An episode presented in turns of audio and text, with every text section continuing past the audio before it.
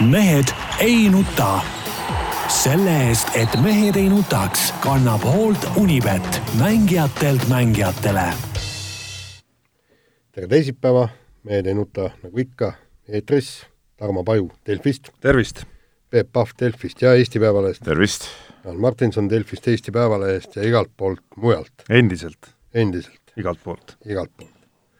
kas on spordiväliseid jutte või? Kahtlaselt vaikne on kuidagi. Pole enam midagi toimunud vist. endiselt on tähendab, toimunud on küll, aga toimunud on on, on igast äh, halbu ja koledaid asju, aga ütleme, kui me räägime poliitikast, siis poliitikas ei ole küll mitte midagi toimunud. endiselt on niisugune samasugune tunne natukene, nagu ma vist ühes saates tsiteerisin siin, et nagu lapsed mängiks äh, kui lapsed mängivad kuskil, siis ühel hetkel, kui väga vaikseks jääb, siis on äh, midagi kahtlast aga üks poliitiline asi oli meil tänases lehes, mingi koomik oli käinud kes nimetab ennast kohtunikuks, oli käinud Poolas, siis mingisuguse Poola kohtuvõimu ees seal marssimas, see on nagu idiootsus, tähendab see, see on tungimine teise riigi siseasjadesse, sama hea kui mingid poolakad tuleksid siin meilt midagi nõudma või marssima, sellist asja peaks olema keelatud. ja ma leian, et kohtuniku amet tuleks sel mehed kohe käest ära võtta, sest ta ei ole objektiivne inimene. no soomlaste kohta oli küll meil asja ju haukuda. ei no haukuda võid, sa ei lähe sinna, sa ei lähe sinna transparantidega kõndima. Kuule, aga praegu on üldse igasuguseid transparente igal pool kõvasti, ma ei tea, kas meil teemat vist, teemas vist ei ole, aga no ma juba kuulsin, et nad need kliimastreikijad ja kliimahüsteerikud tormasid sinna suusavõistlustele. no idioodid ju. ja, ja kusjuures ja, ja kusjuures, mida nad hakkasid nõudma, oli, oli see, et miks suusatajad liiguvad Euroopas no, lennukitega. no ma räägin, et ei no ma räägin, see kliima eest ja kõik tasub võidelda, võidelda ja, ja, ja seista mõistuse piires, mitte, mitte selliste absurdsete, ma ütlen, idiootsete asjadega välja tulla, nagu see, millega peaks liikuma siis, suusatama siit, soojenduseks suusatavad Eestis sinna mägedesse või? no aga miks mitte no., jah. no see on ju ajuvabad aga eile ma kuulasin ka üht poliitsaadet, kusjuures öeldi, et riigi tasandil äh, suurt poliitikat praegu ei tehta, kõik on nagu äh, vaikselt talveunes region-. väga ei peagi kogu aeg tõmblema. no regi-, regionaalpoliitikat muidugi tehakse, siin Tallinna linnapea valimised ja Tartus käib hirmus möll. Tallinna linnapea valimisteni, Jaan, on siiski veel ei, juba, väga kaua ei, aega. kuule, nii, nii palju, kui sa loed ja, ja kuuled uudiseid, siis kõik esitavad oma kandidaate. see on jälle kõik, see mingi ajakirjanduse mingi promo, mingi mõttetu jora, mis kurat on praegult rääkida mitme aasta pärast toimuvatest asjadest, mis mõttega? sama, sama idiootsed on need, kõik need küsitlused, eh, parteide reiting, miks need, miks need eriti absurdne peaministri reiting, mille jaoks, näe, mille jaoks, mida need praegu annavad, näe? ega ei annagi midagi. täiesti jabur, noh. ega ei annagi midagi no ei, ma, ma selle reiti, reitingute vastu, ma ei saa küll aru, mis, mis sul nende reitingute vastu on, et saada, saada mingisugust hetkeseisu, kuidas asjad nagu lähevad ja kuidas trendid on. ei no see ei anna, no okei okay., parteid olid vead, aga, aga see näiteks sama, mida me ise teeme, peaministri reiting, mida see näitab? No on näidanud ju tegelikult midagi. päris äh, huvitavat asja on näidanud, kui sa konkreetselt räägid. Seda, et äh, et kui äh, justkui parteide mõttes on Reformierakond väga ülekaalukalt esikohal, siis peaministrina Kaja Kallast näiteks üleüldse nii palju ei hinnata, selles mõttes on väga huvitav, väga huvitav nii-öelda erisus on välja tulnud. kas sellest sõltub, kas ta saab peaministriks kunagi või ei saa, ei sõltu? sellest otseselt võib-olla mitte, aga ma arvan, et ta peegeldab seda, miks tast ei saa. ei, ei peegelda loeb ikka see, palju partei sul ääre saab, palju ta kohti saab, kas ta on koalitsioonis. no antud juhul see ei lugenud, antud juhul see ei, ei lugenud, et see, see noh, siin ongi, ma arvan, mingi seos olemas selle vahel tegelikult. jaa, aga no mis mõttes seos, kõik äh, kotivad EKRE-t, kõik kotivad Ratast kui äh, nii-öelda EKRE mängukandja, mis siis muutub? mitte midagi ei muutu. mitte midagi ei muutu, kõik täpselt samad parteid valitsevad paremale-vasakule ei, seo-, seos lihtsalt, ma mõtlen seda seost nagu selle nurga alt, et et selles reitingus kajastub, ma arvan, mingil määral see, miks Kaja Kallas praegu ei olegi peaminister, need mingisugused eksisammud või vead, mis ta teinud on, ma arvan, kajastuvadki selles reitingus. sest mingi maani oli tema reiting oluliselt kõrgem. nojah, aga inimeste arvamus ei puutu sellesse absoluutselt ju, tegelikult. no otseselt mitte jah, aga inimeste arvamus lõpuks peegeldab seda, mis päriselus Kaja Kallas on teinud. nojah ta suurt ei olegi teinud. no see kajastubki selles reitingus siis sel juhul. nii, kuule, lähme parem spordi juurde. ja me räägime EP naiskonnast. Kuubal veheldi MK-etapp, kenasti teine koht, tõusti sellega joone peale, ehk siis nii-öelda olümpiatabelis olümpiakohale, aga, aga kõik, kõik see jutt, kui see, mis me praegu räägime, et, et näed, oi kui tore ja kõik, et see ausalt öeldes ei maksa mitte midagi, sellepärast et on veel kaks etappi vehelda, seal võib juhtuda tont teab mida, viiest MK-etapist üks arvatakse, kõige kehvem arvatakse veel maha, sealt võivad punktid kõik muutuda ja siin on neid muutujaid sedavõrd palju, et, et jah, Eesti parandas oma kohta oluliselt, aga olümpial ei ole nad kaugeltki mitte. olümpial on võib-olla kolm, kolm esimest pluss USA. tegelikult kogu see asi on selles suhtes natuke absurdne, et et EP naiskonna olümpiale pääsemisest ja mittepääsemisest me muidugi räägime ebaproportsionaalselt palju.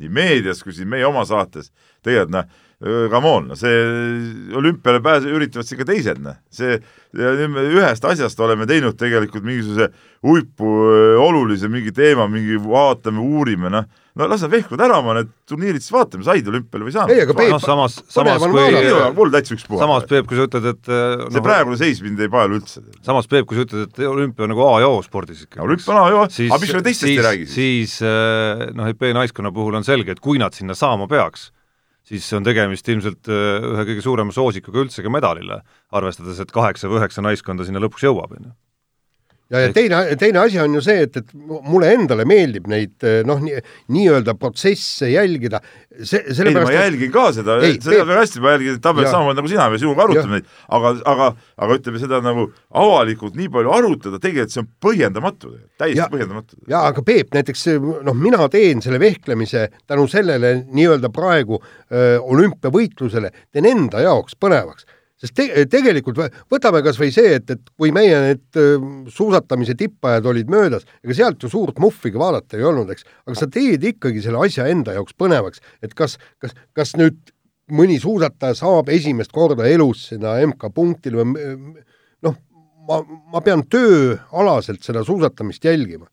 ja, ja tegelikult, tegelikult on ju täiesti savi, kas, kas inimene on kahekümne seitsmes, kahekümne neljas või kahekümne esimene aga, aga siis, kui ta ongi savi. ongi, aga, aga kui ta sõidab välja elu parima koha, et siiamaani on olnud kahekümnes, nüüd sõidab äh, ennast üheksateistkümnendaks, noh, teed enda jaoks asja põnevaks. seitsmest üheksateistkümnendaks, Jaan ega ei mäleta, aga no võtame laskesuusatamise no,. suures pildis, suures pildis vehklemisest ikka nagu väga palju ei räägita, et siis, kui on need MK-etapid, siis räägitakse, pluss siis, kui on mingid jamad majas, siis räägitakse no,. et kaks palju. varianti. arvestades just seda, mis ma selle teema nagu tõin, arvestades seda, kui olematu on vehklemispublik tegelikult Eestis, ütleme, kui siin on seesama Tallinna mõõk, eks ole, noh, see rahvas on ju, enamus on ju need äh, ülejäänud võistlejad, pluss siis mõned pere, peretuttavad, see aasta oli natuke rohkem, aga, aga nüüd mitte mingit meeletut ažiotaaži ei olnud. et selles suhtes nagu on jälle niisugune nagu üles, üles push imine. aga tulles nüüd selle olümpiakoha võitluse juurde äh, nagu lähemale tagasi, siis ma pean tunnistama, et äh, ma seda tabelit nii pingsalt polnud varem jälginud, aga eile kuidagi see hasart sai siis võitu natukene, et ikkagi kui nägin neid numbreid ja, ja mingisuguseid keerukusi seal süsteemi juures, siis tegin selle endale ka korraks selge, et et jube habras näeb see asi, esiteks muidugi see süsteem tundub hästi totakas äh, mingist hetkest alates, et miks just need maailmajagude parimad äh, nagu sellisel kujul saavad edasi, kus alates viiendast kohast ehk siis äh, põhimõtteliselt on praegu selline võimalus, Eesti võib isegi jääda kuuendaks, aga ikkagi olümpiat välja jääda, hoiab oma kohta kahel järelejäänud äh, arvestusse mineval MK-etapil, hoiab oma kuuendat kohta selles tabelis, aga piisab sellest, kuidas siis USA tõuseb mööda nii-öelda viiendana Itaaliast neljandaks äh, ja, ja tuleb hoopis Kanada sealt tagant sisse Ameerika parimana nii-öelda viienda kuni kuueteistkümnenda koha parimana siis. pluss tõuseb Egiptus ühe korra, koha võrra seitsmeteistkümnendalt kuueteistkümnendaks ja kaob üks koht veel sealt eest ära, sest Aafrika parimana läheb Egiptus ja. ja see koht ei tule enam siis äh, antud hetkel Ukrainale või mingi stsenaariumiga võiks Eestile tulla. et selline nagu, selline korralik asi on nagu püsti pandud. nojah, aga sama, ega see on ju, olümpiale kvalifitseerumise totrus on ju enamus spordialadel ju võta mingid korvpallid, ütleme pallimängualad, seal ju ka võetakse need maailmajagude tšempionid, samas head tugevad riigid jäävad välja. no korvpallis isegi... ikkagi lõpuks äh, nii-öelda sellel suurel valikturniiril, kus enamik kohti nüüd sel suvel välja jagatakse, pannakse nad kõik nagu ühte, ühtedesse alagruppidesse, see, kes sealt läbi ja. läheb, see läheb. Läti, Sloveenia näiteks ühes alagrupis, mõlemad võiks no näiteks jaa, aga noh, kõik nagunii ei mahu sinna. no jaa, kõik, lõpuks, aga lõpuks... samas ikkagi mingid ummamuudud, mingid karvajalad no, mängivad. Nad pääsevad vähemalt sinna valikturniiri. no jaa, aga, aga milleks... seal on nagu sportlik võistlus, aga siin Egiptus või Kanada no ei, seal eri... saavad ju finaalturniirile ka saavad ju mingid suvalised karvajalad. no ainult Aafrika parim. noh sai sealt ainult. täiesti no aga vehklemises ka Aafrika parim no,. täpselt, noh. et sama, see on ju sama asi, sama on ju ka ütleme tegelikult, mis on üldse see ei, totram et... osa, minu arust Aafrika parim veel, ma sellest, seda ja. mõistan, totram osa oleks see, kui kaheteistkümnendalt kohalt tuleks Kanada just nagu Ameerika kohaga, sest et neid kohti hakatakse vaatama alles viiendast kohast, kui USA on neljas, siis Kanada saab kaheteistkümnendana nii-öelda Ameerika parimana edasi, see, see tundub ja, mulle nagu totter. aga noh, neid sama mõtleme ka üksikalad, võtame kergejõustikus, eks ole, kus on ju ütleme, ma ei tea, mingeid USA sprintereid on ju äh, mustmiljon, kes on paremad kui äh, enamus, kes seal niisama jooksevad näiteks, noh et, et see ongi noh, et see olümpia, olümpismi mingi idee ongi mõnes mõttes nagu totter tegelikult. pluss see teine totrus sealjuures minu arust, mis mis tundub mulle ka ebaõiglane, on see, ja ma loodan, et Eesti naised ei pea seda omal nahal kogema lõpuks kuidagi, on siis see, et, et ka individuaalvõistlejad pannakse siis nagu hästi suures osas selle pealt paika, kes võistkondadena sinna pääsevad, ehk siis ja, aga see on täielik lollus. olümpialt eemale jäänud võistkondade liikmetele äh, on see selgelt ikka väga ülekohtune süsteem, individuaalvõistlust silmas pidades. ja, ja kusjuures sealt saab, tähendab, ülejäänutest, nendest, kes ei pääse, saab ainult kaks parimat Euroopa vehklejat. kusjuures no ütleme niimoodi, et on tõesti, noh, ja Aasias samamoodi, eks, et nagu praegu ikkagi Aasia ja Euroopa domineerivad ja noh, Aasiat ka siis ainult nii palju, et kolm riiki seal vehklemises, et selles mõttes on ta äh, absurdne ja me, me oleme rääkinud, et kunagi äh, oli ju äh, kõige, kõige parem nii-öelda võistkondlik süsteem, kui on meil tõesti kaheksa satsi on vaja kokku panna, on kahevõistluses. hakatakse võtma maailma edetabeli järgi. sakslased, kolm sakslast, järelikult nad saavad võistkonna välja panna, eks noh, seal öö, maailma edetabelis. nii, kolm norrakat, selge, anname neljanda mehe juurde, panevad võistkonna välja, eks. ja maailma edetabeli põhjal pannakse, pannakse paika need individuaal ede, edetabeli põik, põhjal pannakse need kaheksa satsi kokku ja mingit regi-, regionaalset poliitikat ega, ega mitte midagi. no kahevõistluses sa ei saa ka regionaalset poliitikat teha, sest seal vaatad mingid Aafrika äh, no aga seal on meeskonnad tuleksid välja. Aasia, USA-d, värgid, särgid, kõik, eks. Lõuna-Ameerikat ja Aasiat seal või seda Aafrikat. jaa, ei no ei, seda nüüd küll, eks, aga, aga seal ikkagi individuaalse ei, järgi õige, pannakse võistkonnad, aga praegu on võistkondade järgi pannakse individuaalsed osalejad paika. jah, ja nüüd tulles selle Eesti viimase turniiri juurde, mis tõestas ju ilmekalt, kui hapralt see kõik võib minna kas ühtepidi või teistpidi, et äh, poleks Katrina Lehis Ungari vastu kolmetorkelisest kaotusseisust välja tulnud, siis me räägiks sellest, kuidas äh, asi oleks juba nagu väga habras. jaa, ei tõesti, aga, aga mis selle asja juures on veel äh, huvitavat, on see, et ikkagi seekord oli Kaido Kaabermal sedavõrd palju mune, et ta läks sellest nii-öelda süsteemist, võistlussüsteemist mööda, naiskonna koostamise süsteemist mööda ja, ja võttis satsi siis need, kes tema arvates peaks satsi kuuluma, jättes välja siis nii Irina Emrichi kui ka Nelli Differti. ja, ja, ja tegelikult nii ongi. Nelli Differtil on täiesti hea võimalus olümpiale pääseda läbi Eesti edetabeli, eks, aga kui me, me naiskonnaga ei jõua olümpiale, ei jõua ka tema olümpiale. vot siin, siin on nüüd see asi, eks, ja ma loodan, et, et neiu saab sellest aru. oot, mis teooria see nüüd oli?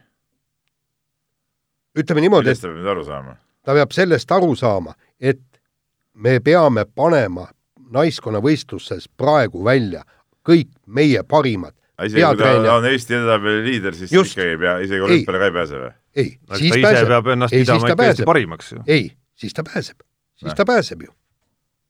aga, aga ja. kui naiskond ei pääse olümpiale, siis ei pääse ka tema temast pulbitseb teadmine, et ta ongi Eesti parim ja et ta suudaks seda naiskonda veel rohkem arvata, siis ei ole midagi, millest ta peaks aru saama.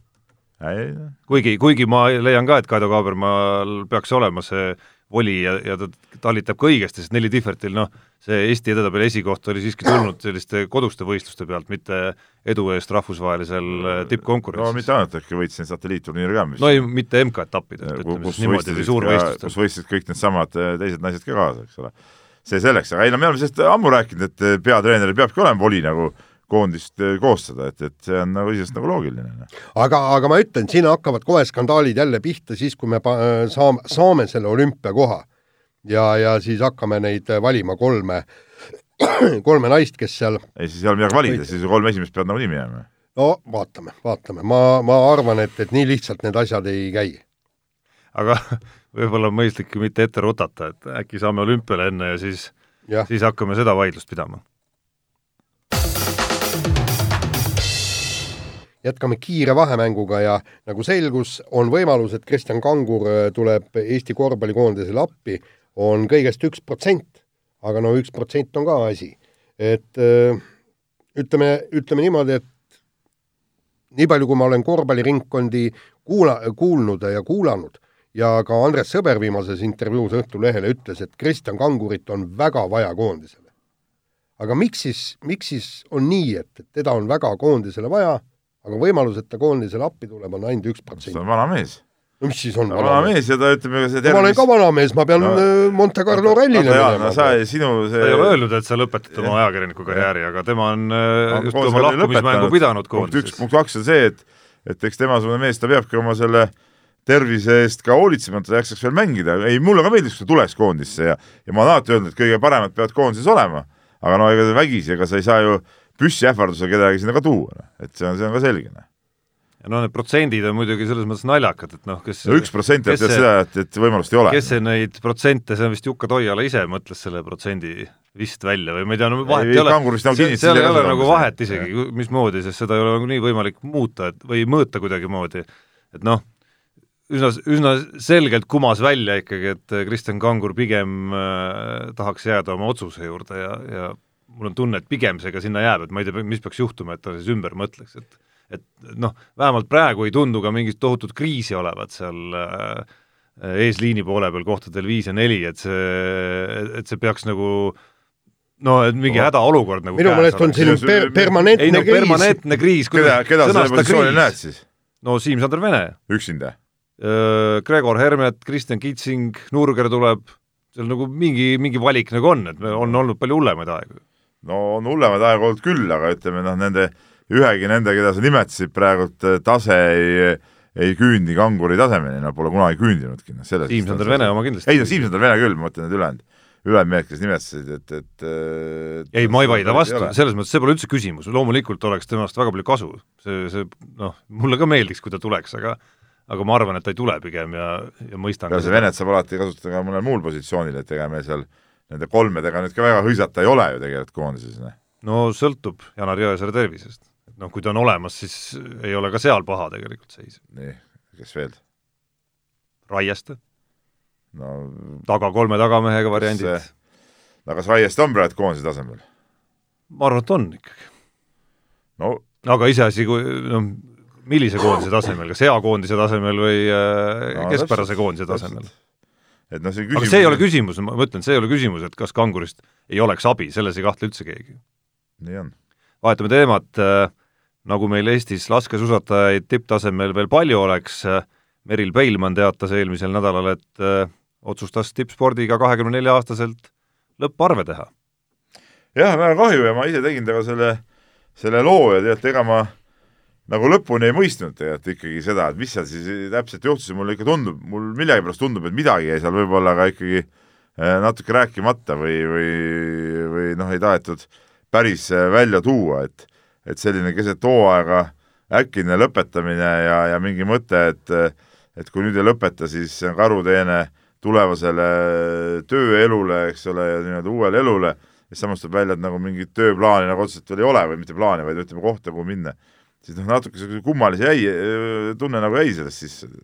no jaa, aga Peep tegelikult ikka suhteliselt noor sportlane, okei okay,, tal on palju probleeme olnud, aga aga, aga ja ise ta ütleb, et ta ise usub küll, et oleks võinud ikkagi jätkuvalt kõrgeid kohti saada, no siis siis no mingid küsimused nagu jäävad siin õhku, noh, et see, et see nagu ja, ja, ja ütleme, arvestades Eesti spordi ja, ja tippspordi niisugust õhuks, õhukest pinda, siis siis seda, seda kurvem on muidugi, et niisugused asjad juhtuvad. kusjuures seda ootamatum, et et noh, ühest küljest olen vist saates ka maininud siin eelmise hooaja lõpupoole just, et kuidas äh, hirmsasti ootaks teda ka veel tagasi, et see naiskond neljaliikmelisest äh, muutuks veel viieliikmeliseks. et tekiks sinna seda konkurentsi nagu juurde, aga teine on just see, et äh, et, et nagu see koondise kujul ja tingimuste kujul nagu laskesuusakoondis noh, ei, ei kiratse võib-olla niimoodi, nagu siin ma ei tea, viis aastat või, või mingid aastad tagasi, et et äh, vähemalt neid signaale on küll väga vähe kostnud viimasel ajal. Et, et ja see, ja see naiskond kui selline on ka tegelikult olemas, millega seda asja teha, et ei pea nagu Eveli Saue üksik hunt kuskil kuskil rabelema, et, et seda ootamatum minu arust uudis oli. no ta ise ju rõhutas ka, et tegelikult ütleme, viimaste aastate see koondis, treenerid, see punt üldse on nagu, nagu väga, väga äge olnud. et siin aasta või kaks veel no, nagu teha üldsegi nagu tõsisem proov, sest ta ei olegi saanud tervise tõttu seda naiste seas läbilöömist nagu korralikult proovida isegi. et, et see nüüd, ma kahtlustan, et tööelus ei oleks võib-olla nagu väga palju muutnud. Tarmo Peep, kas te arvate tõesti, et Peilmann oleks võimeline tõusma laskesuusatamises absoluutsesse tippu. no ta ise arvab, et oleks. nii ta kinnitas artiklis. kas sa kahtled inimese sõnades, kui inimene jaa, ei, kui, kui ta, kui ta tõesti niimoodi mõtleb, et ta oleks võinud, vot siis oleks ta tõesti pidanud jätkama, aga mul on ikkagi ma arvan ka, et ta ise võib-olla tundis ka, et ikkagi ei tule seda, mida ta lootis. just, ja, ja ega tegelikult noh, kahekümne nelja aastane inimene ja kui sa hakkad endal tulevikust nagu mõtlema, eriti veel naisterahvas, eks tahaks lapsi saada, tahaks tööelu elada. aastane on noor inimene alles. ei, ongi, aga tuleb ju tulevik. tänapäeva spordis ka veel. ei pea olema, ei kahekümne neljas, et ei pea olema kuskil hirmsas tipus veel. Ja, no, ei, ei te..., sa ei pea olema tipus, aga sa mõtled tulevikule ja see, et, et milline sa oled kolmekümne viieselt. sest kakskümmend neli tuleb juba hakata vaikselt endale elukutset valima haridust äh, nõutama. tal ju ülikool ju nagunii saab läbi juba praegu, noh, et haridus on nagu olemas, et tal selles suhtes nagu kõik nagu oli ju olemas. jaa, aga nüüd, nüüd on vaja ka see töö leida, ega see haridus ju ei tähenda veel mitte midagi. kahe aasta pärast näiteks poleks tööd leidnud enam või? no aga võib-olla nelja aasta pärast, siis hakkad, hakkadki kummi venitama, milleks? no ei, nagu sa ütled, on okei okay, no ei no ilmselgelt tema enda jaoks siis, siis ja noh, selge, sa tegeled ka vale asjaga siis minu arust ei no lõpuks ei ole ju kellegi asi väga hinnata isegi, et tema räägi-, noh, nii-öelda elab oma elu lõpuks ja teeb oma otsuseid, aga noh, järelikult ta pidi oma perspektiivi ikkagi nagu sellel alal ära kaotama täielikult. võib-olla üllatav, et ta nii, et nii kiiresti, aga ikkagi. ja äkiliselt nagu, jah. vaata, siin ma, siin ma ju räägingi, et, et tegelikult see ei ole ju Eesti probleem. see on, see on probleem igal pool maailmas. Sellepärast, et, et nad, noored inimesed tõesti kaotavad nii-öelda aega tuleva, tulevase elukutse leidmise koha pealt, sellega, et nad teevad seda tippsporti. Ja ma veel kord ütlen, eks, et öö, seal Suurbritannias, seal on ju niimoodi, et sportlastega sõlmitakse lepingud, tähendab noor, noor inimene, tehakse ettepanek, nii, ole hea, hakka tippsporti tegema. ja, ja, ja leping tehakse nii, et pärast tippspordi lõppu, karjääri lõppu, ükstapuha millal ta lõpetab selle kolme aasta pärast, viie aasta pärast, kümne aasta pärast, on tal võimalik minna õppima tema valitud erialal tahab aga siin praegusel juhul on eriala juba olemas ja ta lõpetab praegu sügisel ära kooli, noh.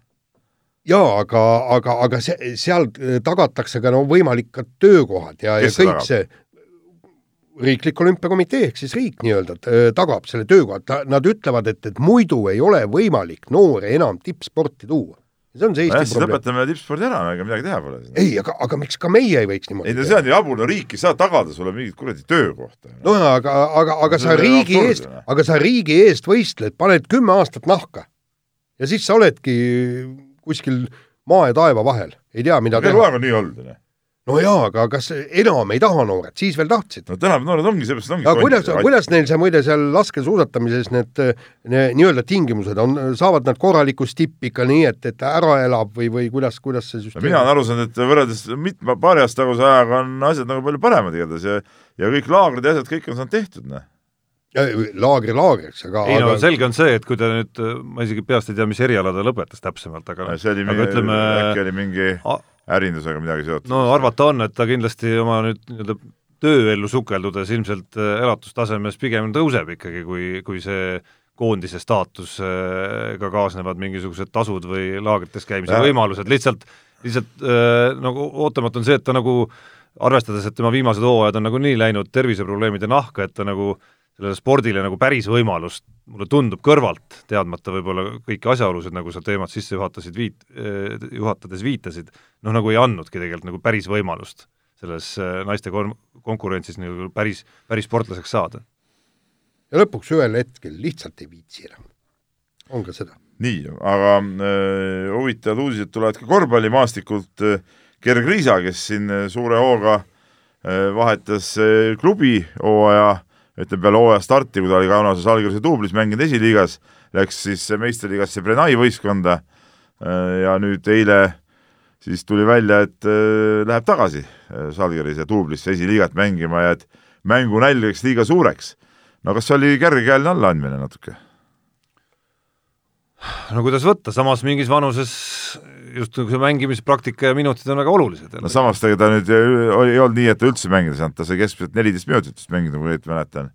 aga kas siis siin on kaks varianti nüüd, et kas, kas ikkagi see meistriliiga tase käis veel natuke üle pea või teiseks siis äh, jah, et, et ei suutnud nagu siis kohaneda seal, et, et minu arust see no võib-olla väga hea märk see ei ole, noh, ütleme, ütleme, siin on jälle see märk, et, et ei tea kõiki neid, neid äh, taustu nüüd, et võib-olla no parem märk ilmselgelt oleks see, kui me oleks näinud teda mängimas kakskümmend viis minutit, kogumas kaksteist punkti ja viis resultatiivset söötu keskmiselt mängus. see oleks ilmselgelt ega see nüüd see Leedu meistriliiga jah, ta on, Leedu korvpall on ülitugev, eks ole, aga see ei ole nüüd päris mingi Euroopa tippliiga ka ei ole. jah, aga samas oodata, et ta e-, esiliigast kõrgliigasse hüpates esiliiga numbritega ja ei. rolliga samamoodi edasi purjetab, on nagu ka natuke võib-olla liiga loomulikult mitte, loomulikult mitte. aga seepärast ma arvangi, et võib-olla oleks ikkagi seal need no neliteist, viisteist minutit per mäng oleksid kasulikumad kui kolmkümmend äh, minutit esiliigas seal põrutada, näe.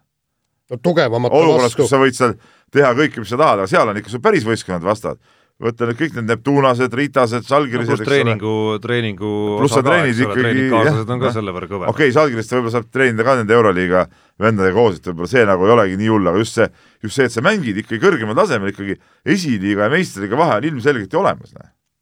Et, et, et siin ma olen küll nagu, et see noh, ei ole nagu võib-olla väga hea värk.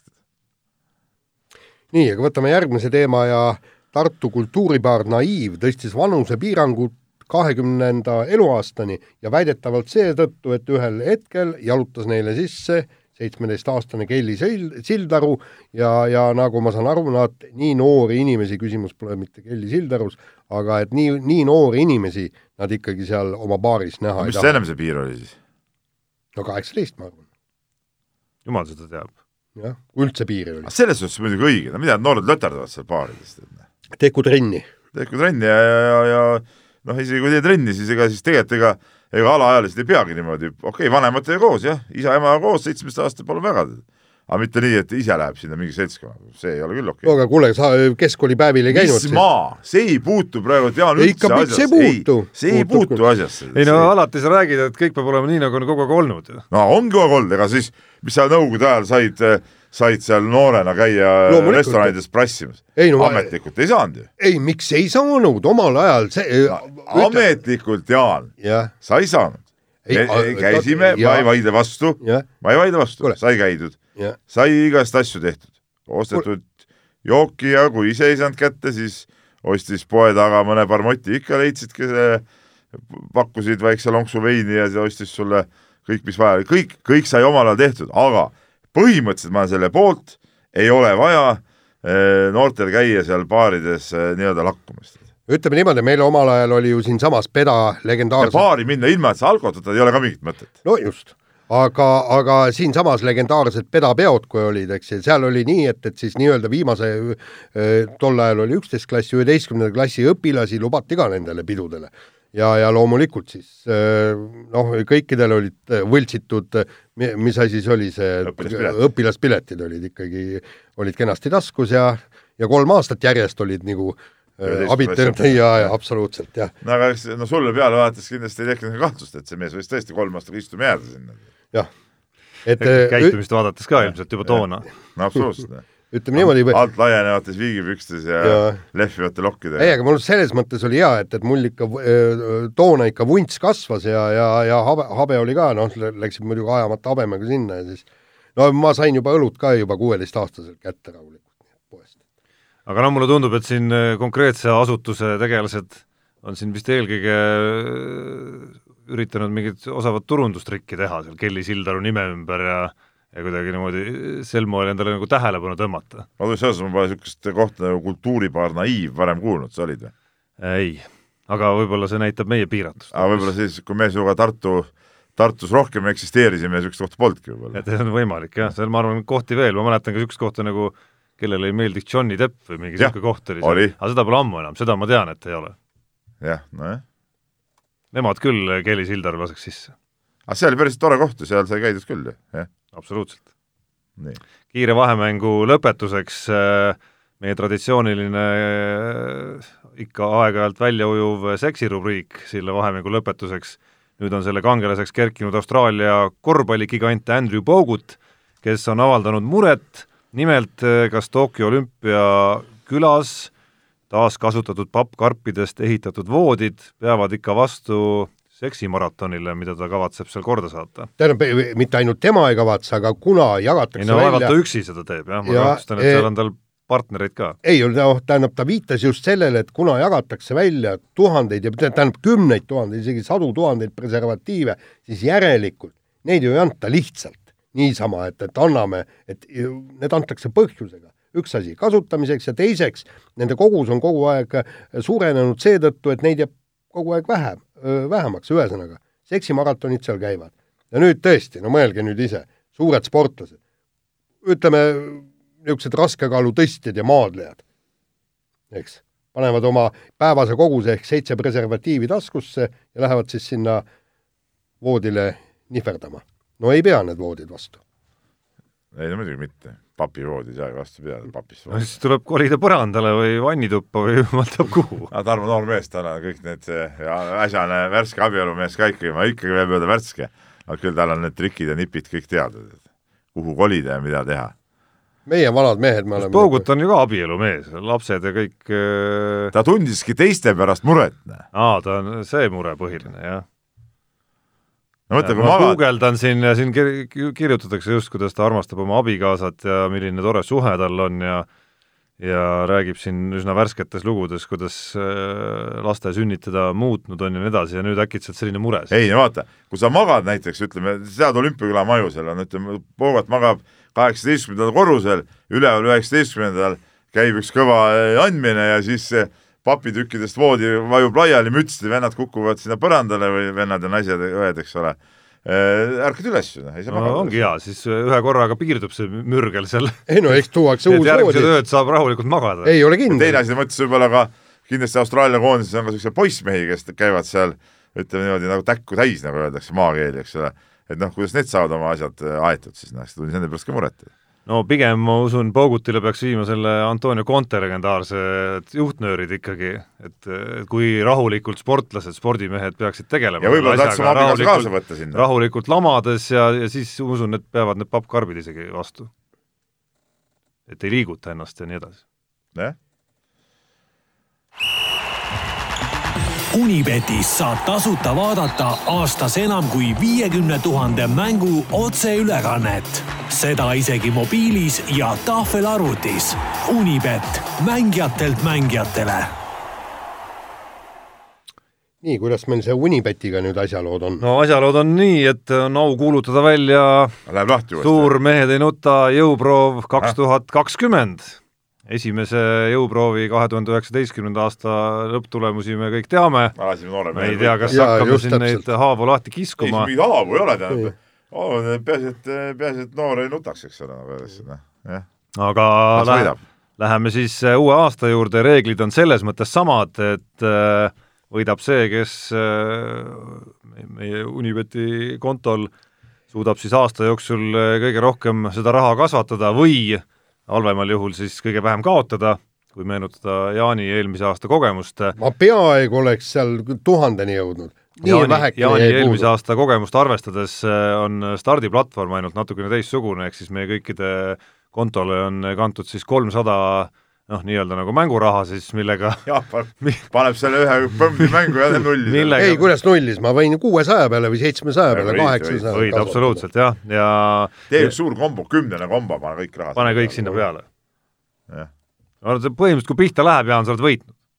no ei ole kindel, te teete üheteistkümnese kombo ja ehk siis iga nädal äh, ennustamist jätkame, loodetavasti on siin mõni laua taga olija tublim ka kui eelmisel aastal kirjutab endale meeldetuletusi kuskile kohtadesse, kuhu, kuhu neid peab kirjutama, et ta üldse märkaks neid, ma ei tea, auto armatuur lauale või või igapäevased äh, meeldetuletused telefoniekraanil, ma võin panna sulle kusjuures.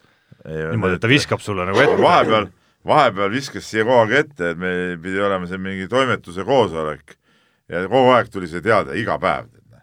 ma ei tea, kes üldse minu telefoni sai tulla seda panna siia aga siis, siis tuli lõpuks see teade, et koosolek jääb ära äh, esimese, meie esimese mängunädala äh, eripanus Unibeti keskkonnas mehed ei nuta alajaotuses on ka üleval, tegelikult peaks teine veel tulema, mis puudutab laskesuusa MK-etappi, mis sel nädalal toimub, aga äh, antud panus on tegelikult tänaõhtune juba, puudutab BC Kalev Cramo ja Ventspilsi kohtumist, väga tähtsat mängu Eesti-Läti korvpalliliigas ja puudutab seda, kas Kyle Vinales viskab kakskümmend punkti või vähem. Kuidas vähem, tundub? vähem, ma arvan. üks koma kuus on vähem, kaks koma kaks on, et vähemalt kakskümmend. nojah, mis ma oskan öelda. no tore mäng ju, mis siin muud ikka oskad ütelda. esimese hooga ma ise ei oskaks siin validagi seda poolt, nii et võib-olla läheks ja sukelduks ja otsiks natukene mingeid äh, mingeid selliseid äh, kohti, kus võidu perspektiiv tundub aga tead, me võiks teha niisuguse reegli, et me ise peame oma sellele eripanusele alati panema mingi väikse panuse. no aga me võime selle teha. no jaa, aga sina tuletad meelde, et me selle teeks? ei, see minu peale see küll ei jää. kõik, kõik seisavad enda no, eest. me unustame pooltel kordadel ära. kümme euri maha. ma arvan, mul on juba siit uksest muidugi meelest läinud, aga noh nii, aga sellega tõmbame antud rubriigi sellel nädalal kokku, järgmisel nädalal kuulame, kuidas siis Peep on äh, vägevaid triumfe saavutanud KHL-is ja ma ei tea, kus jah, ikka. MMA naaseb kusjuures nädalavahetusel, Peep, see kindlasti paelub sind. Conor McGregor teeb comeback'i. MMA ei paelu mitte karvavõrdki. et, et, et sealt nüüd vaevalt midagi tulema hakkab.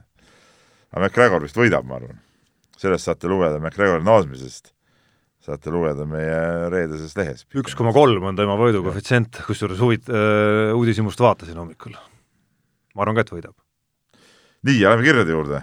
kirju on palju nagu alati ja, ja äh, hakkame siis, vaatagi, mis otsast me siin pihta hakkame, et, et äh, kõigepealt niisugune sissejuhatav küsimus eh, pigem Peebule ja Jaanile, et kas ajakirjandusmajas veel, ka veel toimetatakse, et ma olen selline euronorm koos Tarmoga, et õiget matsu ei jaga, keegi Mart küsib seda.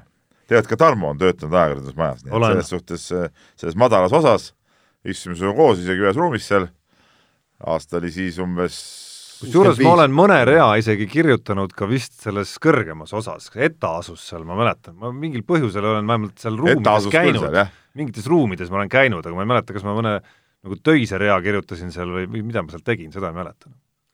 aga praegult seal on, mina tean, et seal on üks äh, artroskoopia kliinik on seal minu arust selles majas äh,. ma ei tea, kas see artroskoopia kliinik enam on, vot selles ma ei ole kindel, aga aga minu... oli igatahes seal? jaa, oli küll, aga minu perearst on seal muideks ja, ja seal on raamatukirjastus Varrak kus ma ka tihtipuhku kohal käin ja ja, ja all on söökla, nüüd enam baar ei ole, aga söökla ja seal on täitsa okei söögid, aeg-ajalt astun läbi lõunapaiku ja nii et midagi seal ikkagi tehakse.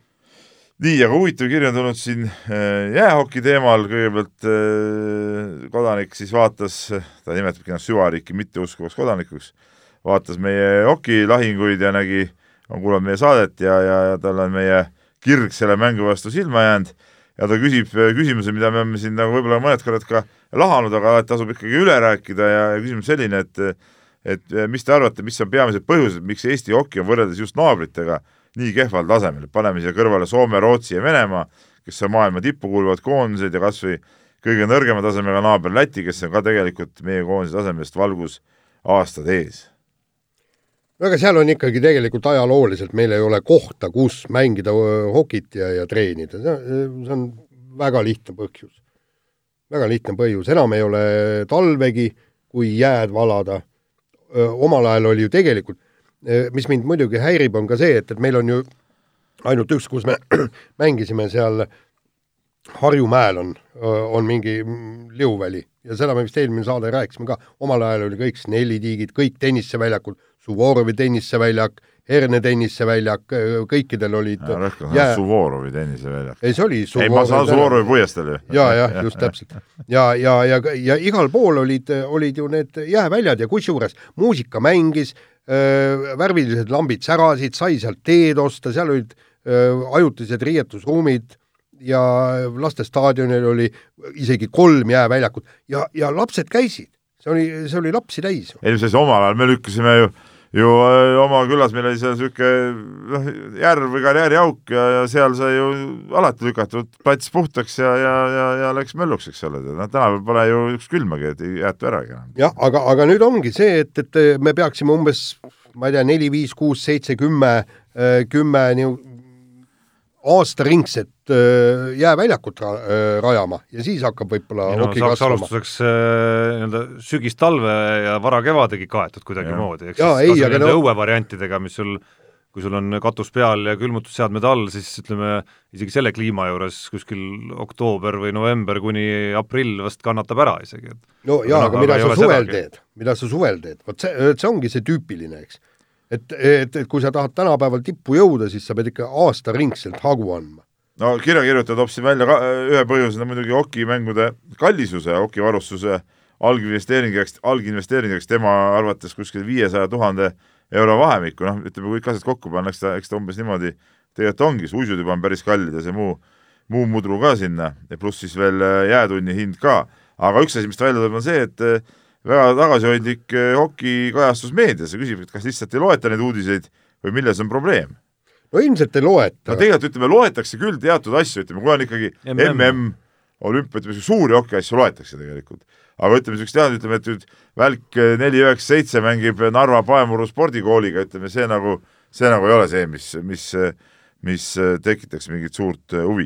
ja tegelikult tal on üks väike küsimus veel, küsimus on Jaanile ja Tarmole et kuulates teie poliitikaminuteid, tekib mul alati küsimus, kas Peep päriselt usub seda kõike, mida ta räägib, või on see nii-öelda saate stsenaariumis sisse kirjutatud, et tekiks vai-, vastandumine ja arutelu? ei no Peep usub muidugi, Peep usub süvariiki ja kõike muud. jaa, nii see on jah, kahjuks. ma arvan, pigem õnneks, ütleme, vähemalt kellelgi skripti siin..., skripti siin ei ole, kusjuures oli mingi periood, ma võin täitsa niimoodi avameelselt äh, pihtida praegu siin, oli mingi periood, kus need teemad hakkasid nagu tõusma rohkem äh, kus äh, ma nagu endamisi päris sageli mõtlesin, et huvitav, kas Peep nagu meelega ajab üle võlli või, või nagu tegelikult ka usub, aga noh, nüüd tänaseks ei ole ammu enam mingit, juba aastaid mingit küsimust selles isegi, et et äh, Peep ei ole üldse tüüp, kellele mingit skripti annab ette kirjutada muidugi. ta spetsiaalselt läheks sellele vastu. jaa, ei no nagu sinagi muidugi. jah, ei no aga no tegelikult on ju nii, nagu ma räägin, aga asjad, asjad ongi nii, noh, ütleme, keegi peab siin ikka seda terve mõistuse poolt ka esindama siin saates ja õnneks, õnneks üks inimene on, on äh, alles jäänud, nii. aga väga huvitav kiri tuli, äh, Mikk kirjutas meile ja vaatasin prillid eest ära, kiri tuli vahetus enne saadet, siis mul ei ole see välja prinditud, aga tänapäeva infovärk, näete telefonist, võtan selle kirja nüüd ette ja saangi lugeda. et tere mehed, jäi silma Keit Puparti ja Urmas Tali vaheline sõnavahetus treeningute läbiviimise osas. jutt käib siis võrkpallist ja Saaremaa võrkpallimeeskonnas. tekkis küsimus, kas siin ei peitu mitte oluliselt suurem probleem, mis hõlmab tervet Eesti sporti kui aastaid tippliigas mänginud mees ütleb, et trennid on tilulilu, siis järelikult nii ongi ja kui Eesti mõistes tippklubi treenerid on sellised, siis kolm punkti. kas kujutad ette, et Popovitš, Ivkovitš või Obradovitš hakkaksid freestyle treeninguid tegema, kui tuleb pikem paus või kergem vastane? aga kui Eesti klubi või koondise juurde tuua nõudlik välistreener, on nutt lahti, nutiseadet ei lubata näppida, palju nõutakse ja ei ole eriti freestyle, noh. no üsna selline valus küsimus iseenesest ja Iva on ilmselgelt, ilm, ilmselgelt ka sees ja mitte ainult selles loos, et ma ikkagi tuletan meelde sedasama lugu ja üsna samasugust äh, muutust, mida kirjeldati BC Kalev Cramos, kui Alar Varraku asemel tuli Donald Askairis näiteks. sama, natuke sarnased motiivid käisid läbi nendest juttudest, kuidas kor-, kord läks karmimaks ja ja mingid äh, reeglid ka nii-öelda nagu trennivälisele ja ka trenni aegsele olemisele ja kõik kehtestati, mida, mida varasemalt tegelikult ei olnud ja kusjuures lõpuks pääsete esimest korda play-off'i. noh, võime öelda, et oli juhus, aga aga pigem vist ikkagi ei olnud. Kuigi okei okay,, neid nüansse oli rohkem seal kui ainult see nii-öelda treeningrežiim ja mingid muud asjad, noh, alustades komplekteerimisest, kus Kairis kasutas ka päris äh, osavaid abilisi. no see on kahe otsaga asi tegelikult, et äh, ma kindlasti ei julge küll väita, et Urmas Tali oleks nüüd halb treener, et mees on ütleme, noh, saanud ka ikkagi tulemusi, ütleme, kas ta mitte see Rakvere meeskonnaga, täitsa olematu meeskonnaga ei võitnud siin seda äh, Eesti-Läti liigat ära ja, ja ja, ja noh, üleüldse ta on aastate jooksul, ta on ka Tartuga tulnud Eesti tšempioniks ja ütleme, Eesti liiga mõistes kindlasti väga, väga hea treener. aga, aga eks siin neid stiile on ka erinevaid, noh. ütleme korvpallis ka oli, ütleme Andres Sõbral oli võib-olla niisugune lihtsam värk, eks ole, tegid natuke kergemaid, ma ütleksin alati kergemad, ega see freestyle treening ei pruugi ka niisugune kerge olla, aga ütleme, seal võib-olla niisugused keerukad mingid taktikalised ja, ja need nüansid võib-olla puuduvad nii palju, et noh, et, et ka nii saab, noh, et, et eks neid lähenemisi ongi erinevaid. noh, no, pluss mingi lähenemine sobib, lõpuks on oluline, milline lähenemine sobib konkreetse meeskonna jaoks ja mängijate jaoks ja jaa, aga öö, et kindlasti Rakvere ja, ja, ja Saaremaa puhul see materjal, mis seal käes on, väga erinev muidugi. kusjuures, nagu ma saan aru, ikka Keit Pupart on tõesti noh, tipp-professionaal ja, ja tema näeb ikkagi see, seda, et, et trenni tehes peab arenema ja, ja tõesti niisugune kehv treening, äh, lahja treening, see väga ei arenda. Ja Peep, eile see ju äh, menetlesime seda teemat omavahel lõunasöögi ajal, arutasime ja tegelikult see läheb minu meelest ja, ja ja ma, ma olen siit paremalt-vasakult igalt poolt kuulnud, et see, see hakkab ikka noorteklassidest pihta, et meie lapsed ei tee ikkagi piisavalt palju trenni võrreldes teiste riikide juttudega. kellest oli see äh, noor korvpallur, kellest Henri Veesaar. just, täpselt. ja kui, ja kui ta äh, lõi need treeningmahud, mis, mis seal Itaalias on, eks, oli vist Itaalias või Hispaanias. Madridi Realis. ja, ja nii, et, et noh, Peep, sina ju tead, eks, neljateistaastaselt ei treenita Eestis. ei, nõus, ma ütlesin sulle ka eile seda, et et ka, ka mis puudutab kõik neid jõutreeninguid ja asju, et noh, et tegelikult tuleks ikkagi julgemalt läheneda nendele ja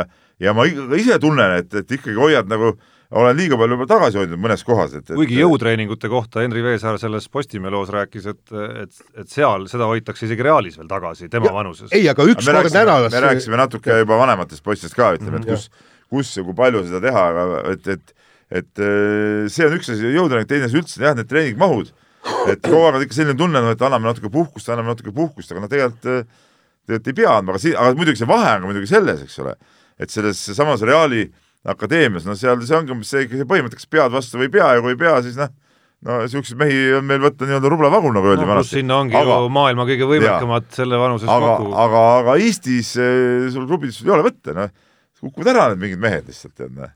kui sa seal võib-olla liiga palju, eh, seal võib-olla pahandad ja, ja, ja, ja ütleme, survestad midagi, noh, ega mul endalgi see jõuab, mul on paar niisugust case'i olnud, kus noh, on küll nii, et, et vend nagu ei taha tulla enam, tead, noh, mis teed siis, tead, noh. lõpuks pole kellegagi mängida, tead, noh. et siin nagu see, et, et see laveerimine, laveerimine on nagu palju suurem tegelikult. Noh. no jaa, aga, aga samas need tipud, kes hea meelega teeksid seda trenni ja areneksid äh, nii-öelda reaali tasemel et, et nemad ju selle tõttu ei arene, kui, kui need treeningud jäävad nende jaoks lahjaks. ja ju see Pupart ka täpselt seda öö, ütles, mõnele mängijale ei, siin alati seal lahendus on see, et, et sa panedki seesama, et kui ta on mingi noor mängija, et noh, ta teebki niimoodi, et teeb oma noortesatsiga koos ja siis teeb teise trenni otsa veel ütleme vanematega või päris meeste vahel, et, et see on see lahendus alati, noh, mis, millega saab, saab seda üks, ühte-kahte venda tõsta, aga ütleme, et see tervet satsi niimoodi, see on nagu raske, raske vedada nii, aga, aga siin on nüüd huvitav küsimus on tulnud äh, Eerolt, Eero küsib, et kirjutab, et tere, habe ja koo. no et siis sina, sedapuhku siis niipidi on ju sulgudes. no näed. uuriksin, et mis te mehed arvate tartsist kui spordialast? et teleri vahendusel väga vaatemänguline, pinged haripunktis ja meeste vahel korralik töötlus ka käib. no ma ütlen siin vahele, et, et vaatemängulisust ja pinget äh, ma sellest küll kunagi näinud ei ole, ma küll vahest mõnikord olen jäänud poole silmaga vaatama, aga ma ühtegi pingelist hetke ei ole veel seda mängu vaadates tundnud. seda seal nii. just on, aga, aga edasine küsimus on see spordi osa. jaa, ei, ma tahtsingi edasi, see oli vahemärkus. et ta toob siin välja Leedukas tegi hiigelturniiri ja nii edasi MM-il. aga eh, kuidas teie arvamus alast kui sellisest? et ega see olümpiaalas golfist väga palju vähem füüsilisem pole? No ma, ma ütlen siin kohe golfi puhul, ma elu lõpuni on mul meeles, me mängisime Äh, Sloveenias Euroopa meistrivõistlusi, esimesel päeval rik-, ilm rikkus selle äh, mängupäeva ära, katkestati, järgmine päev me pidime ka, kaks ringi mängima, rada oli umbes seitse pool kilomeetrit pikk hommikuse ringi eel tuli, tund aega tuli tuli sooja teha nii, ja siis läksid ja seal oli paras mägine rada ka, umbes nagu Otepääl. Ja kui sa olid selle neli tundi ära mänginud jalgadel, nii siis anti tunnikene puhkust, sõid lõunat, uuesti sooja tegema ja panid veel teise noh, ütleme, kui on seitse pool kilomeetrit, siis korraga, siis kokku tegid kümme kilomeetrit muidugi ära. ja ütleme niimoodi, et lõpus ikka need jalad lõid ikka nii meeletult tuld. ei no nende mahtude juures äh, golfiga, ma arvan, ei kannata see Tarts võrdlust siiski, et ma eelmisel suvel olin ise sunnitud ükskord Eesti miidamatööride rajamängu meistrivõistlustel peaaegu kaks mängu päevas mängima, see oli päris raju kogemus. ei no unustage see nõuab, vaata, et see nõuab nagu väga head füs-, füüsilist ettevalmistust tegelikult, aga Tartsi juurde tulles siis no mingid spordielemendid on ju ei no aga ta pole teistsugune kui laskmine. ega ta ei ole, ei ole teistsugune iseenesest jah, et naljakamaks teeb selle lihtsalt see pubi õhkond, mida aga ma ei saa aru, mina ei aru saanud, mis need inimesed lällavad seal niimoodi? ei no lihtsalt, kuule, kuule, sa oled ka viis, kuus, seitse õlut sisse löönud, ka hakkad lällama ju kas sa võistlust ennast ka vaatad või? no see pole enam tähtis. ma pole ise käinud, ma arvan, et mingil määral vaatavad. minu jaoks on just see nagu kõige suurem müstika, et millega see publik seda tegeleb. ja miks need siuksed, need, miks need eh, võistlused on nagu mingid siuksed, mingid fa-fa mehed nagu on kõik, see on ka kummaline nagu. no ongi nagu mingi omaette subkultuur kuidagimoodi sinna, sinna nagu kokku saanud, et ja, ja põnevust iseenesest on, ma olen tabanud ennast päris mitu korda, nagu päris mitu korda olen tabanud ennast nagu telekat klõpsides, et jäängi nagu sinna peale, nii nagu snuukrit jääd teinekord vaatama, kui seal mingid põnevamad asjad on, nii vahel vaatad seda Tartsi ka samamoodi. huvitav, kas ka... mul ei ole veel kordagi seda, ma just vaatan, ei ma vaatan küll, eks, et noh, ja vaatame, viskab nii ja naa, aga põnevust nagu näiteks, ma ei tea, vaatan mõnda muud sporti, vaatan, ma ei tea, saja meetri jooksu finaali, kus on tõesti nagu põnev, endal lähed ka nagu karvad tõusevad püstiks ja seal nagu no see on teistmoodi, teistmoodi põnevus. jaa, aga, aga mis siis juhtuks, kui tuleks tõesti tõsisportlane? et ta ei ole mitte fa-fa riietuses, vaid tulebki tõesti spordidressid, võib-olla lühike dress, kõik tuleb seljas. no kõik ei ole seal niisugused hipid. ei, ei no tähendab, tuleb tõesti sinna te, teeb, nagu teeb korraliku soojenduse enne seda kõik niimoodi, siis kui võistluseks läheb, ei pööra muule tähelepanu, paneb kõrvaklapid kõrva, teda üldse muu ei huvitagi. no nagu laskjad keskenduvad oma sellest soorituseks, eks ole. kujuta ette, et laskevõistlusel, kes mingi paila, paila, paila seal, noh. nonsenss. aga mis siis saab, jah ja.? võidab ära, ma arvan. disklahv. disklahv. aa, et ei mahu nagu nendesse raamidesse.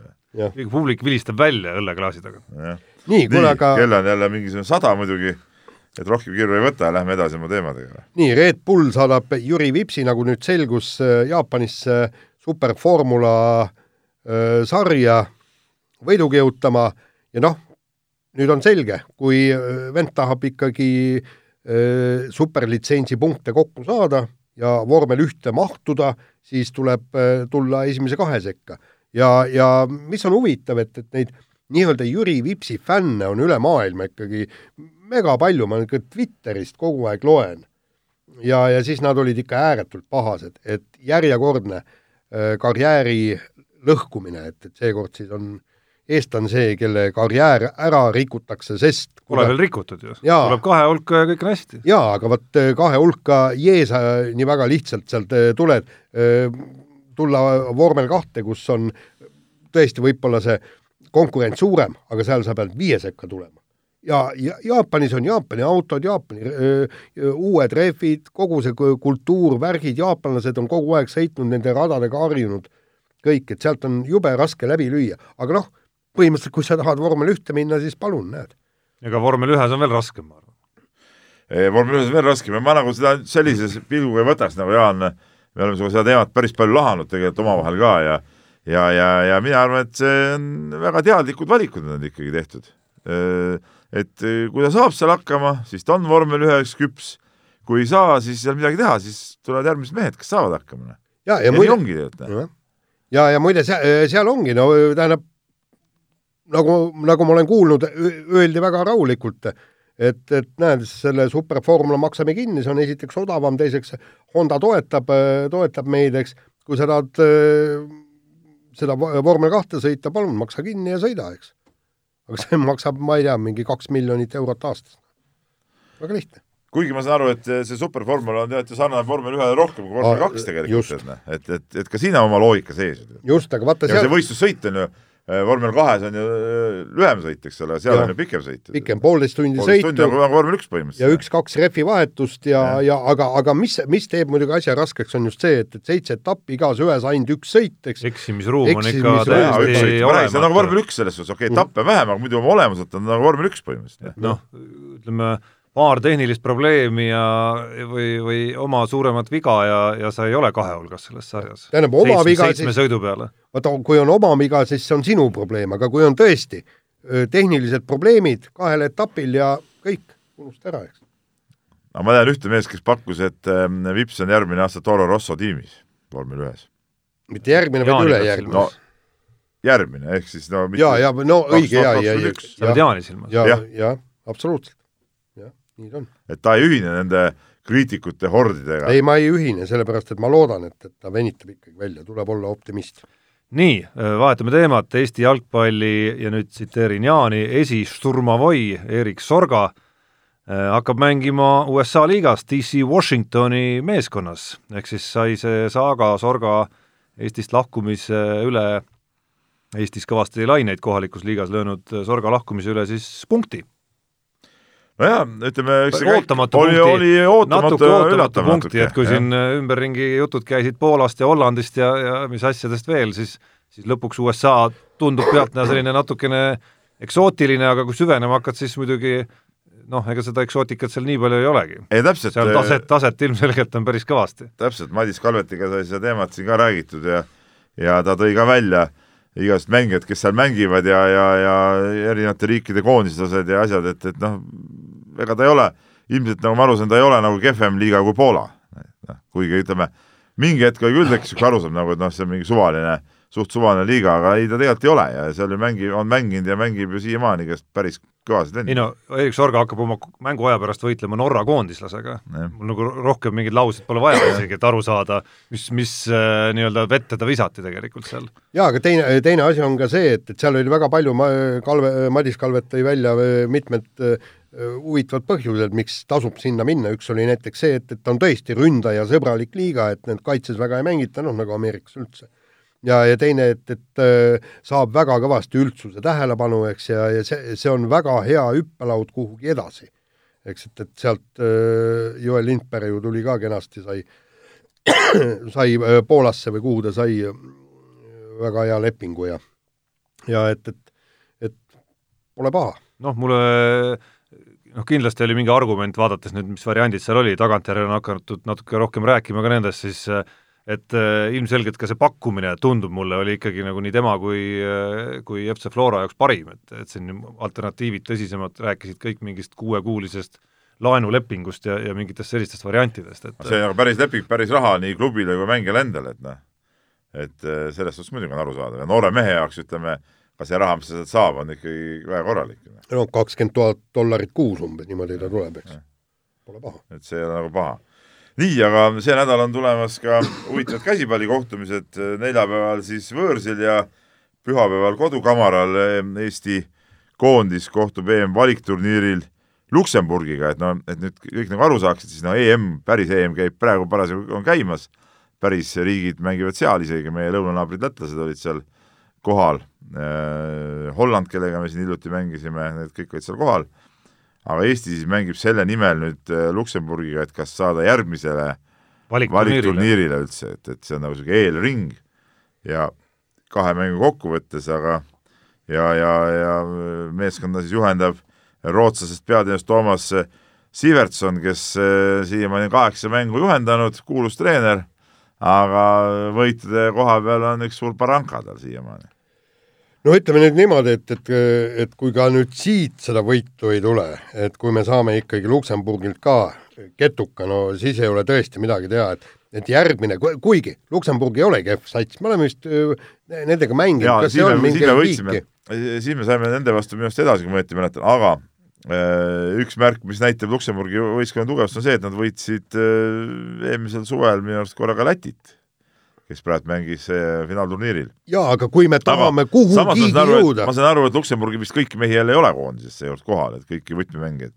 ja meil jälle seekord nagu erandkorras isegi on kõik olemas, et et ma arvan, et Eesti peaks selles paaris olema küll soosik ja, ja, ja see härra Sivertson saab lõpuks oma võidu ka siis kätte. no seda ütles ta ka ise, et eh, esimest korda saab tema juhendatav meeskond mängida nüüd siis meeskonna vastu, mis no ütleme, asub siis justkui nagu kujuteldavas pingereas meist tagapool, et seni on mängitud ainult endast eespool olevate meeskondadega ja, ja nende vastu on need kaotused kõik tulnud. et noh, nüüd siis, nüüd siis saab näha, natuke mind tegi ärevaks muidugi, oli vist Karl Toomi intervjuu eile Aktuaalses Kaameras, kus ta hakkas ise rääkima sellest, kui tohutud pinged ikkagi Eesti meeskonnal peal on, et ma loodan, et siin kogenumad äh, mehed nagu Patrail ja Jaanimaa kuidagi tõmbavad seal natukene kogu seda pingeosa ikka maha. No Jaanimäel on siin oma siin muud pinged siin vaja maha temal ei tohiks üldse pingeid või tal ei ole üldse pingeid, ütleme. tal ei tohiks üldse pingeid olla. jah, aga vaatame, kuidas see mõjunud on talle kogu see tähelepanu triangel ja jaa, aga kui me, kui me räägime ikkagi EM-finaalturniirile pääsemisest, kuhu saab nüüd kakskümmend neli võistkonda, siis me peame Luksemburgile igal juhul tuule alla tegema ja me peame ka hammustama, võitma nii Lätit kui ka Hollandit ja kõik, et et me ei saa hakata rääkima, et noh, et Luksemburg on päris kõva sats. järgmine tugevuselt või nõrkuselt sats on ju tegelikult äh, Vatikani nunnade võistkond. noh, nii on. no aga nii on ju. kui sa nii ütled, Jaan, siis nii on no siin on spetsialist ikkagi meil küll, aga ma olen selles ma olen muidugi Jaaniga ja ma olen ka Kalmer Mustinguga nõus, et, et et kui umbes kolmkümmend neli riiki mängib äh, siis ja kakskümmend neli neist seal finaalturniiril, siis sõel on ikka päris hõre ja peaksid igal juhul ka saama. nii on. nii, kõll ei lase vahepeal, ei lase. nii, ja räägime Kelly Sildarust, äh, kes asub äh, võistlema nüüd noorte olümpiapäevadel ja pärast seda siis siirdub lombi taha, sealt on X-mängud, juutuurid, kõik muud niisugused asjad, et aga selgub, et, et tema treeneriks asub öö, poissõber Mihkel Ustav. No vot, ei ole mul usku nendesse asjadesse sellisel kujul, no ei ole usku mul selliste asjadesse. et kui mingid, mingid poissõbrad ja hakkavad treenima, ise mingi noor mees alles, no, no kurat, noh, vabandage väljenduses, see ei ole nagu õige asi. no tõe huvides tasuks kindlasti meie kuulajatele öelda, et et äh, ütleme, Mihkel Ustavi seos freestyle suusatamisega ei, ei, ole, ei ole päris ei, selline nagu minul, Peebul või Seda Jaanil. Et, et, et ta on ise sellega mingil määral noh, kohalikul Eesti tasemel siis tegelenud, juhendanud mingeid Eesti võistlejaid, mis kõik jääb loomulikult taseme mõttes kaugele sellest, mida mida Kelly Sildaru ja, ja mis tasemel Kelly Sildaru võistleb, aga noh, mingi, mingi taust on tal siiski nagu olemas. ei, see, ei, seda ma vastu ma ei vaidle, aga minu see suurim nagu natuke nagu siuke nagu kummaline see kogu see asi no.. jah, samas kui Tõnis Sildaru alustas, noh siis tal polnud sedagi kogemust, mis Mihkel Ustavil. Jaa, aga, aga saad aru vaata, ta kasvas, vot see ongi see vahe. ta kasvas koos äh, Kelliga, eks ole, ka ise treenerina. vaata äh,, ma ütlen, et ma olen ise näinud kõrvalt ja, ja mitte ainult mina, kõik, kõik teisedki, kes on juures olnud, näevad, kuidas äh, Tõnis Sildaru treenis oma tütar ja tütar tegi trenni nagu tippsportlane.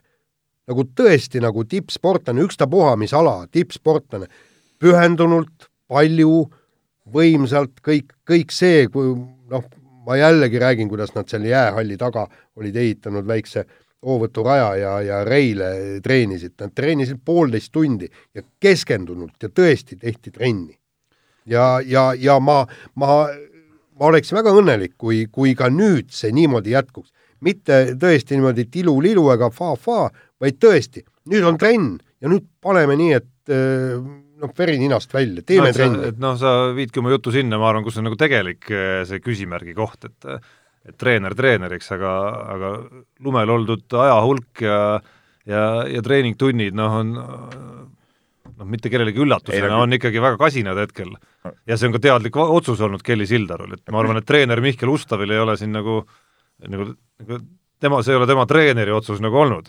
nojaa, aga tegelikult see peaks olema ikka treeneri otsus, kuidas äh, võistluseks valmistutakse ja hooajaks ja ja kõikideks asjadeks ja teine asi on see, et ikkagi peab aru andma, et et äh, ta treenib ikkagi maailm, oma ala maailma parimat tegelikult, noh.